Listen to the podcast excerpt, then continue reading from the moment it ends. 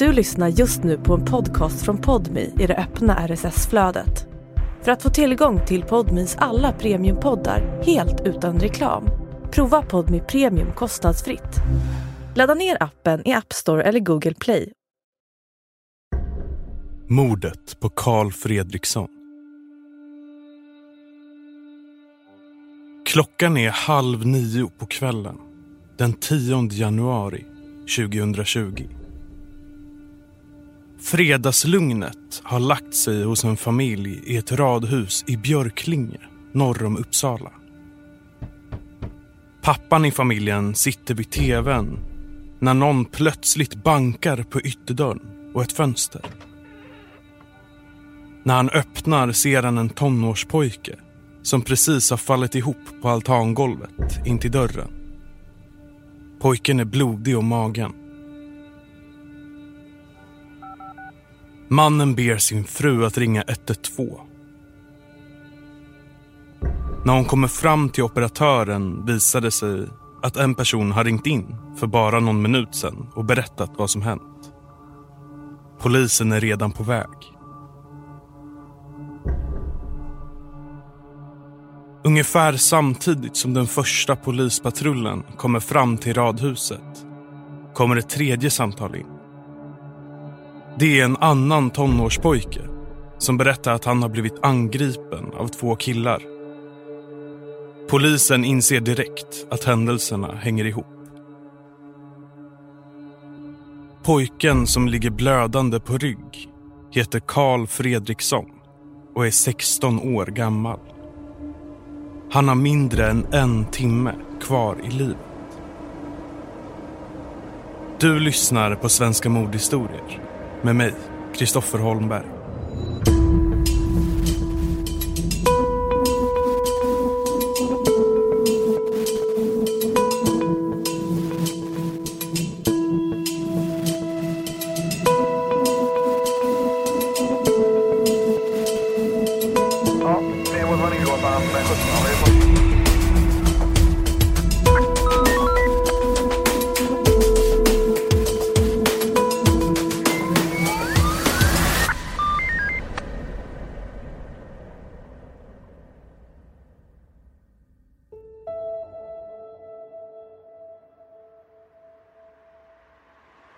Björklinge med sina 3000 invånare var länge känt för att E4 mellan Uppsala och Gävle skar rakt igenom samhället.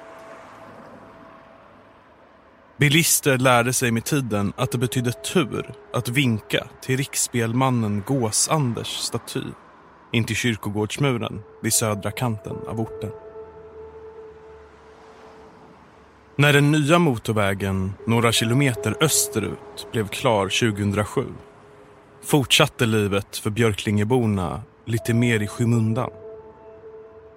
Med skola, fritidsgård, idrottsklubbar och ungdomar som kör omkring i sina epatraktorer och mopedbilar.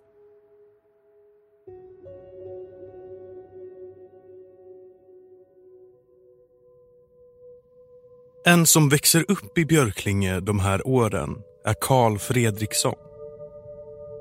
Han föds 2003 som yngst av tre syskon. Hans mamma beskriver honom senare som glad, busig och otålig. Bäst trivs han när han håller på med idrott. Han är ett inbitet AIK-fan och visar sig själv vara en talang på fotbollsplanen. Senare byter han till innebandy. Föräldrar på läktaren brukar kalla honom för Duracell när de följer hans outtröttliga jakt efter bollen. Mellan 2016 och 2019 går Karl i högstadiet. Bland skolkamraterna är den glada och omtänksamma Karl en populär kille. Senare kommer man få höra en rad historier från ungdomar i Björklinge om hur Karl ofta stöttade den som hade det jobbigt och inte drog sig från att säga ifrån när han tycker att någon gjorde fel. Hans föräldrar som vet att han ibland går mellan i bråk varnar honom flera gånger och säger att det kan vara farligt. Men varje gång svarar Karl att det är lugnt.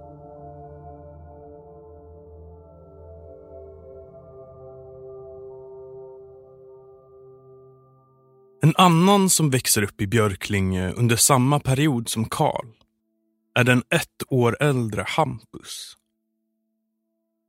När de är i 9-10 års åldern leker de ofta tillsammans i en grupp med andra pojkar.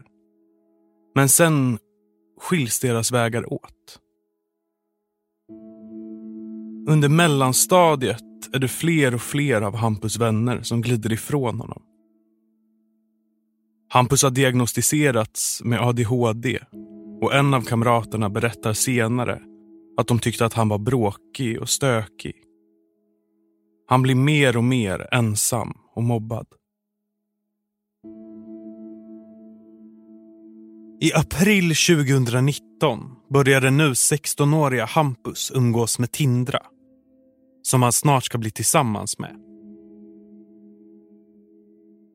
Hon är ett par år yngre än han, men tuff och framåt och tas ofta för att vara äldre än hon är. Förhållandet provocerar några av dem som Tindra umgås med. Och de börjar systematiskt att trakassera Hampus. Vid ett tillfälle under våren blir han hotad med kniv och knogjärn. Och en annan gång förnedrad och misshandlad.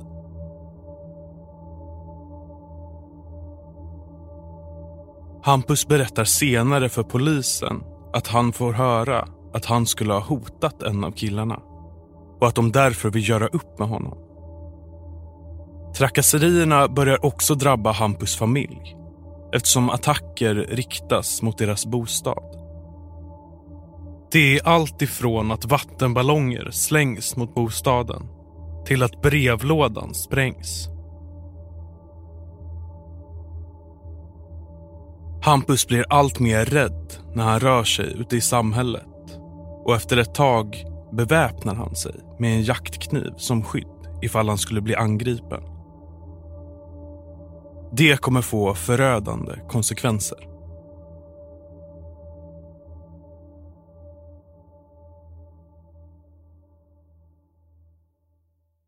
Hampus och Tindra är tillsammans i ett drygt halvår.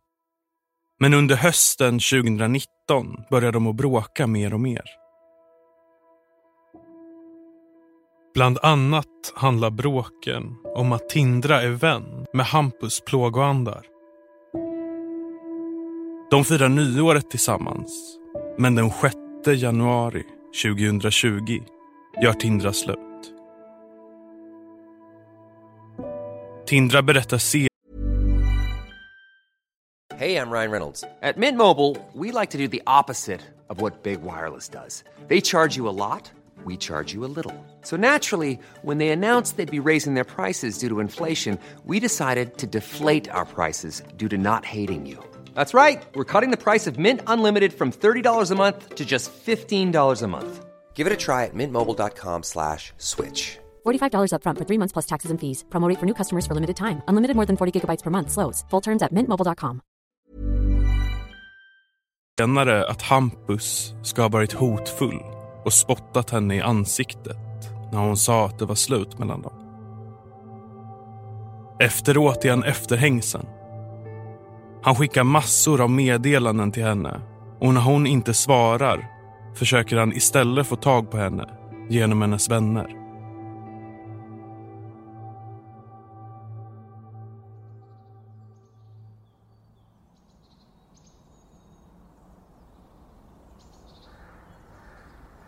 På morgonen, fredag den 10 januari 2020 ses Hampus och Tindra en kort stund utanför Björklinge skola för att lämna tillbaka saker de har haft hemma hos varandra. De kysser varandra, vilket ger Hampus nytt hopp. Men när Tindra under dagen inte svarar på hans telefonmeddelanden blir hans ton i chatten först vädjande och sen allt mer irriterad. Hampus har samtidigt fått meddelanden från vänner till Tindra som gör att han känner sig hotad.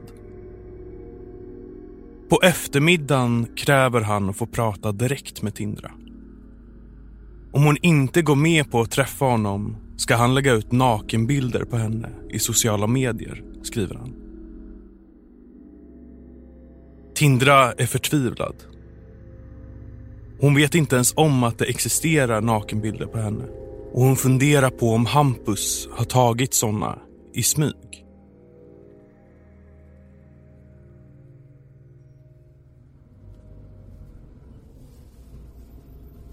Klockan har nu blivit runt sju på kvällen. Tindra sitter på bussen på väg till fritidsgården i Björklinge. Då får hon syn på sin kompis, Sixten. Han har varit hemma hos sin flickvän i Uppsala efter skolan och är nu på väg till fritidsgården med en kompis. Tindra vet att han är en lojal vän som tidigare har stöttat henne när hon har haft problem med sitt ex, Hampus. Nu visar hon honom de hotfulla meddelandena från Hampus. Och när de kliver av bussen lämnar hon över sin telefon för att han ska kunna sköta den fortsatta konversationen.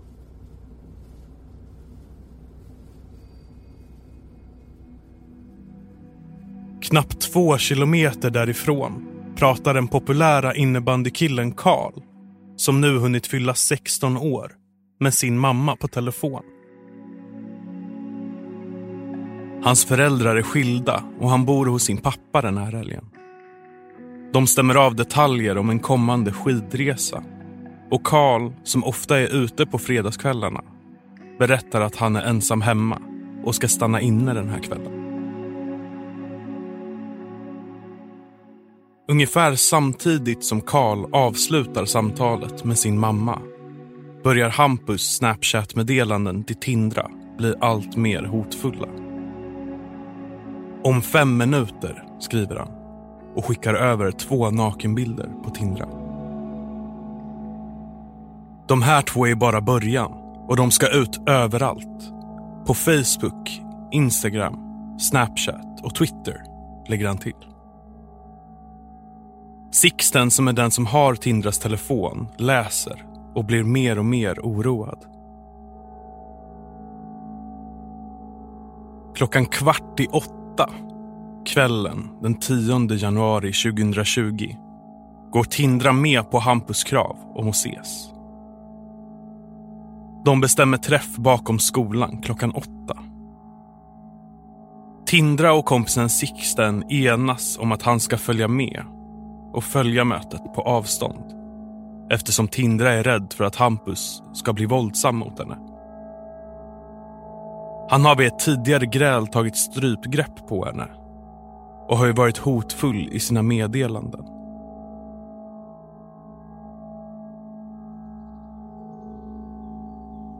Tindra och kompisen Sixten lämnar fritidsgården och åker för att möta Hampus på skolan.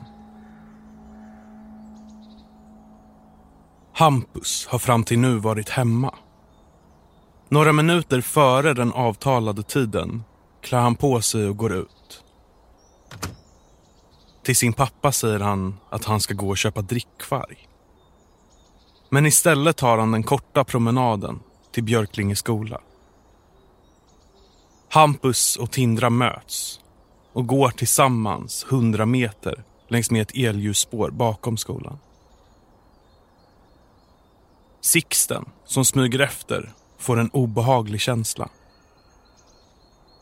Han inser att han inte ensam kan ingripa om Hampus blir våldsam. Han ringer den vän han litar mest på. Den populära Karl. Som är känd för att våga säga ifrån när någon gör fel. Sixten ber honom att komma dit. Klockan är en minut i åtta på kvällen.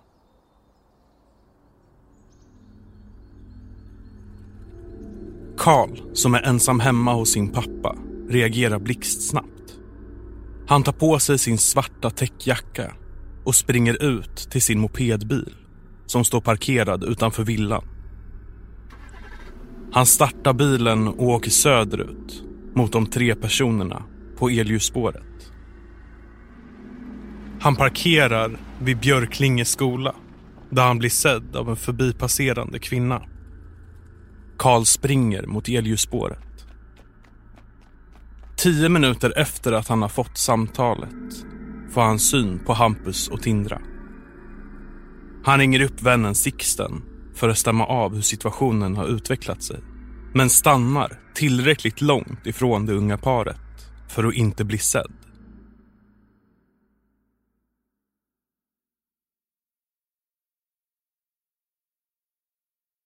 I tio minuter står Karl och Sixten gömda på varsitt håll i skogspartiet bredvid spåret och väntar på att mötet mellan Tindra och Hampus ska ta slut.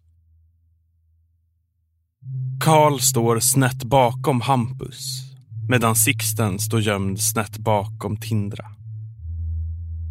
Det unga parets samtal har utvecklats till ett regelrätt bråk. Mellan skriken och anklagelserna hör den upprörda Hampus plötsligt ett ljud från skogen. Han inser att någon annan kan vara där. Han tar fram sin jaktkniv och håller upp den mot Tindra. Kommer någon mer hit använder jag den här, säger han. Då ringer Sixtens telefon. I andra änden är Tindras syster som frågar efter henne. Systern blir upprörd när han berättar att Tindra träffar Hampus. Och Sixten bestämmer sig för att lämna sitt gömställe och gå fram till Tindra och Hampus. Men först ringer han Karl, som gömt sig en bit bort och ber honom vara Head over to Hulu this March, where our new shows and movies will keep you streaming all month long. Catch the award winning movie Poor Things, starring Emma Stone, Mark Ruffalo, and Willem Dafoe. Check out the new documentary, Freaknik The Wildest Party Never Told, about the iconic Atlanta Street Party.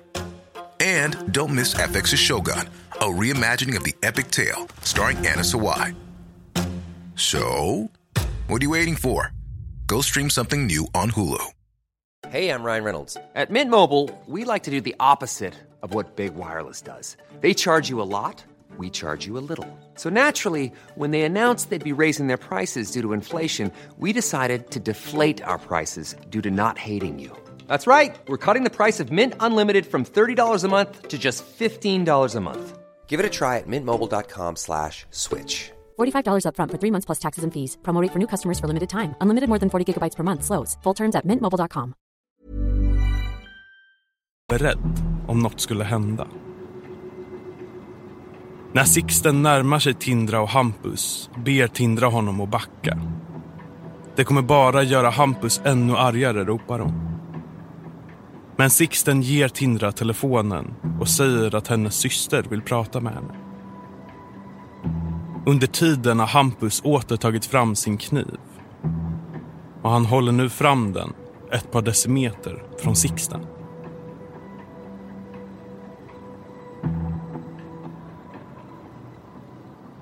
Nu har klockan hunnit bli 20 över åtta. Karl som står kvar på sitt gömställe i buskaget ser vad som händer och gör sig redo att ingripa. När Hampus vid ett tillfälle tar ner kniven och håller den bakom ryggen rycker Karl in. Han springer fram, lägger handen på Hampus axel och greppar kniven. Men Hampus hinner dra undan kniven innan Karl får tag på den. Med ett stadigt grepp om sitt vapen vänder han sig mot Karl. Situationen övergår i ett slagsmål. Hampus riktar ett slag mot Karl och träffar honom i käken. Karl svarar med ett slag i Hampus mage. Hampus sträcker ut ena handen och håller i Karl. Karl vägrar backa. Antagligen för att syna Hampus knivhot i tron att det är en bluff ropar han. Gör det då. Då hugger Hampus. Han ser hur vitt foder väller ut ur Karls svarta täckjacka. Efteråt kommer Hampus säga att han är övertygad om att han bara skurit i jacktyget. Men Sixten och Tindra, som står runt 10 meter bort, ser hugget. Jag är huggen, jag blöder, ropar Karl. Sixten och Tindra ser både förövaren Hampus och den knivhuggne Karl springa från platsen. Sixten tror först att Karl är på väg till sin bil och att Hampus jagar honom. Men snart inser han att Karl är på väg mot det närmsta radhuset. Hampus är försvunnen. Ring ambulansen, ring 112, ropar Karl.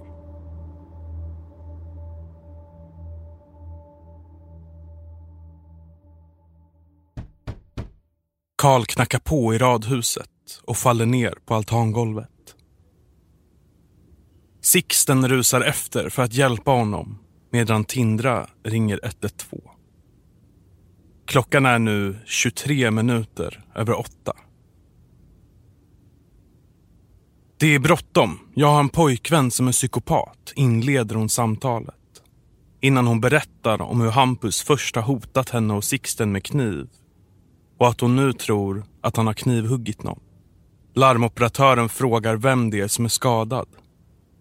Han heter Karl, svarar hon. Karl Fredriksson. På radhusaltanen har Sixten börjat göra hjärt och lungräddning på Karl som ligger livlös på rygg. Stanna kvar, skriker han till den livlösa vännen. Samtidigt har mannen som bor i radhuset telefonkontakt med larmcentralen. Polis och ambulans har beordrats till platsen. Polisen vet att det är Hampus de ska försöka få tag på. Men just nu vet ingen var Hampus är.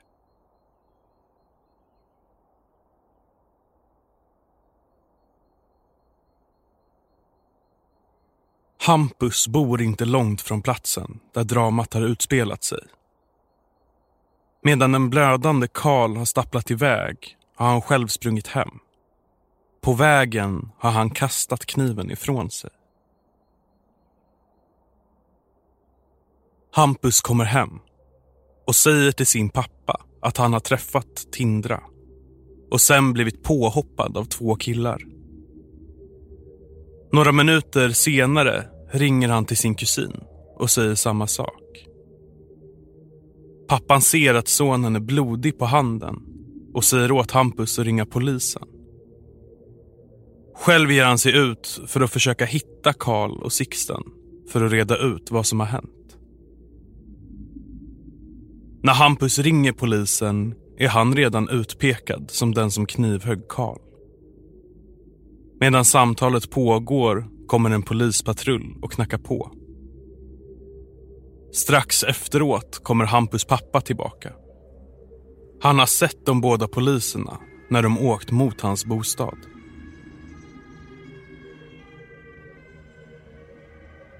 Hampus erkänner direkt för polisen att det är han som har huggit mot Karl. Han berättar också att han har slängt kniven i gräset mellan brottsplatsen och hemmet. Där kommer mycket riktigt också en hundpatrull hitta den en stund senare. Ungefär samtidigt som polisen knackar på hos Hampus är ambulanspersonalen framme vid Karl. Det har gått knappt 20 minuter sedan han knivskars. Och trots att först Sixten och sen polisen har gett honom hjärtmassage och konstgjord andning är han blå i ansiktet. Han fortsätter också att blöda från knivsåret. Han lastas snabbt i ambulansen och försöken att återuppliva honom pågår även en stund efter att han är framme vid Akademiska sjukhuset i Uppsala. Klockan är 20 över nio på kvällen när läkaren förklarar honom död. Hampus, som redan är gripen för mordförsök, blir nu misstänkt för mord.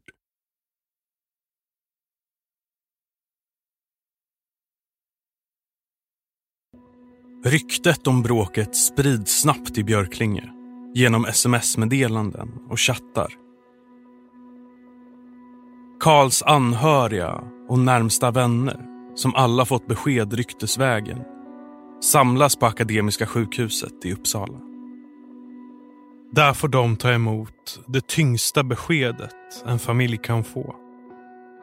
Karl har avlidit. Ett rum på sjukhuset görs i ordning för att de ska kunna ta farväl av Karl. Samtidigt kommer många ungdomar till fritidsgården i Björklinge där de får krisstöd. Det florerar många obekräftade uppgifter och stämningen är hatisk. För att skydda Hampus familj bestämmer sig polisen för att bevaka bostaden under natten. Dagen därpå öppnas Björklinge kyrka för de sörjande. Runt 700 personer söker sig dit. Samtidigt är medias tryck på de anhöriga massivt. Redan första helgen blir såväl Karls pappas fru som hans mamma intervjuade i pressen.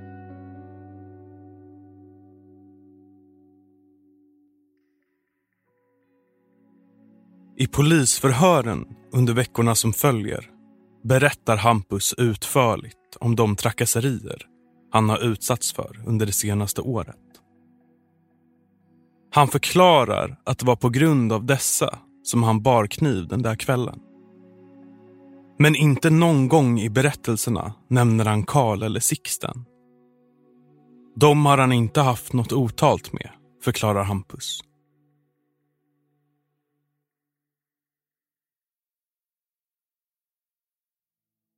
Hampus åtalas för mord på Karl och olaga hot mot Sixten och Tindra. Den 9 mars 2020 inleds rättegången vid Uppsala tingsrätt. Hampus, Sixten och Tindras berättelser stämmer ganska bra överens med varandra. Men Hampus nekar till att ha hotat Sixten och Tindra och hans försvarsadvokat anser inte att knivdådet ska betraktas som ett mord. Frågan tingsrätten måste svara på är inte så mycket vad som har hänt på platsen utan vad som har hänt i Hampus huvud. Har han förstått att det var Karl som angrep honom och inte någon av de personer som tidigare hade hotat honom? Och kan hans knivhugg ha utförts under ett så hastigt händelseförlopp att det handlat om nödvärn? Efter två veckors överläggning meddelar tingsrätten sin dom. Rätten kommer fram till att det är Karl som har påbörjat angreppet på Hampus genom att ta tag i honom bakifrån. I inledningen av det korta slagsmålet anser man därför att Hampus har handlat i nödvärn. Inte minst med tanke på det hot och våld han har varit utsatt för under det senaste året. Det tillsammans med att Hampus av allt att döma har begått gärningen i hastigt mod gör att tingsrätten dömer honom för dråp och inte mord. Han döms också för att ha knivhotat Tindra och Sixten.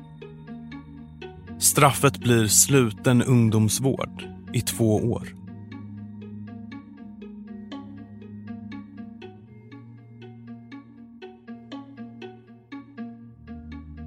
Domen upprör Karls familj som menar att deras son har blivit mördad och att den skyldige därför också ska dömas för mord. Med hjälp av sina målsägande biträden, stjärnadvokaterna Henrik Olsson Lilja och Gunnar Falk överklagar de domen till Svea hovrätt. Hovrätten visar sig göra en helt annan bedömning än tingsrätten.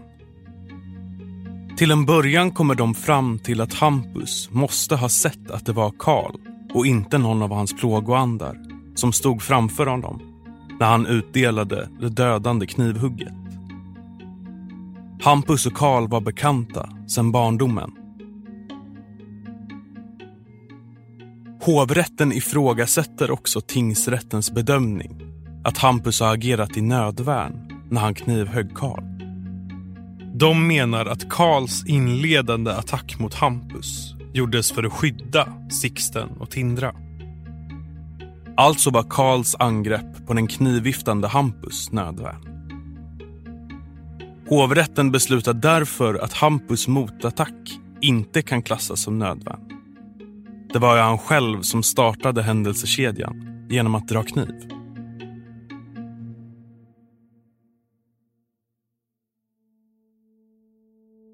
Slutligen kommer hovrätten fram till att Hampus har begått gärningen under så kallat likgiltighetsuppsåt.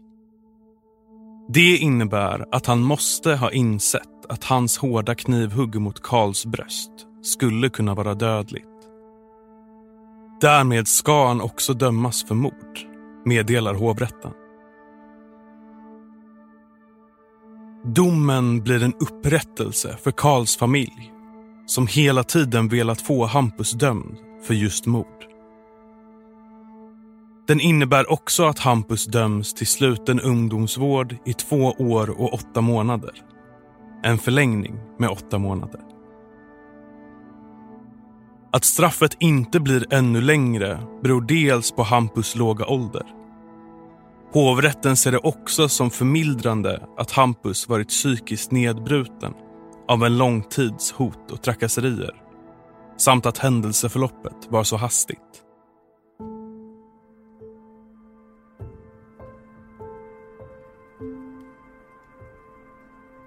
Vid kyrkogården i Björklinge står spelmannen Gås-Anders fortfarande kvar. Även om nästan ingen vinkar till honom numera. Inte många meter från kyrkporten ligger Karl begravd. På gravstenen finns ett fotoporträtt av Karl i orange tröja och mörkt välkammat hår. Samma bild som har varit med i ett antal tidningsreportage om mordet. Under bilden står texten. En älskad hjälte, vår son, vår bror, inhuggen. Vid mordplatsen 500 meter därifrån ligger en grupp hjärtformade stenar utlagda som en minnesplats. Planer finns även på att skapa en riktig minnesplats i samhället. Mängden blommor vid Karls grav visar att många i Björklinge nog kommer fortsätta minnas Karl Fredrikssons modiga handling i lång tid framöver.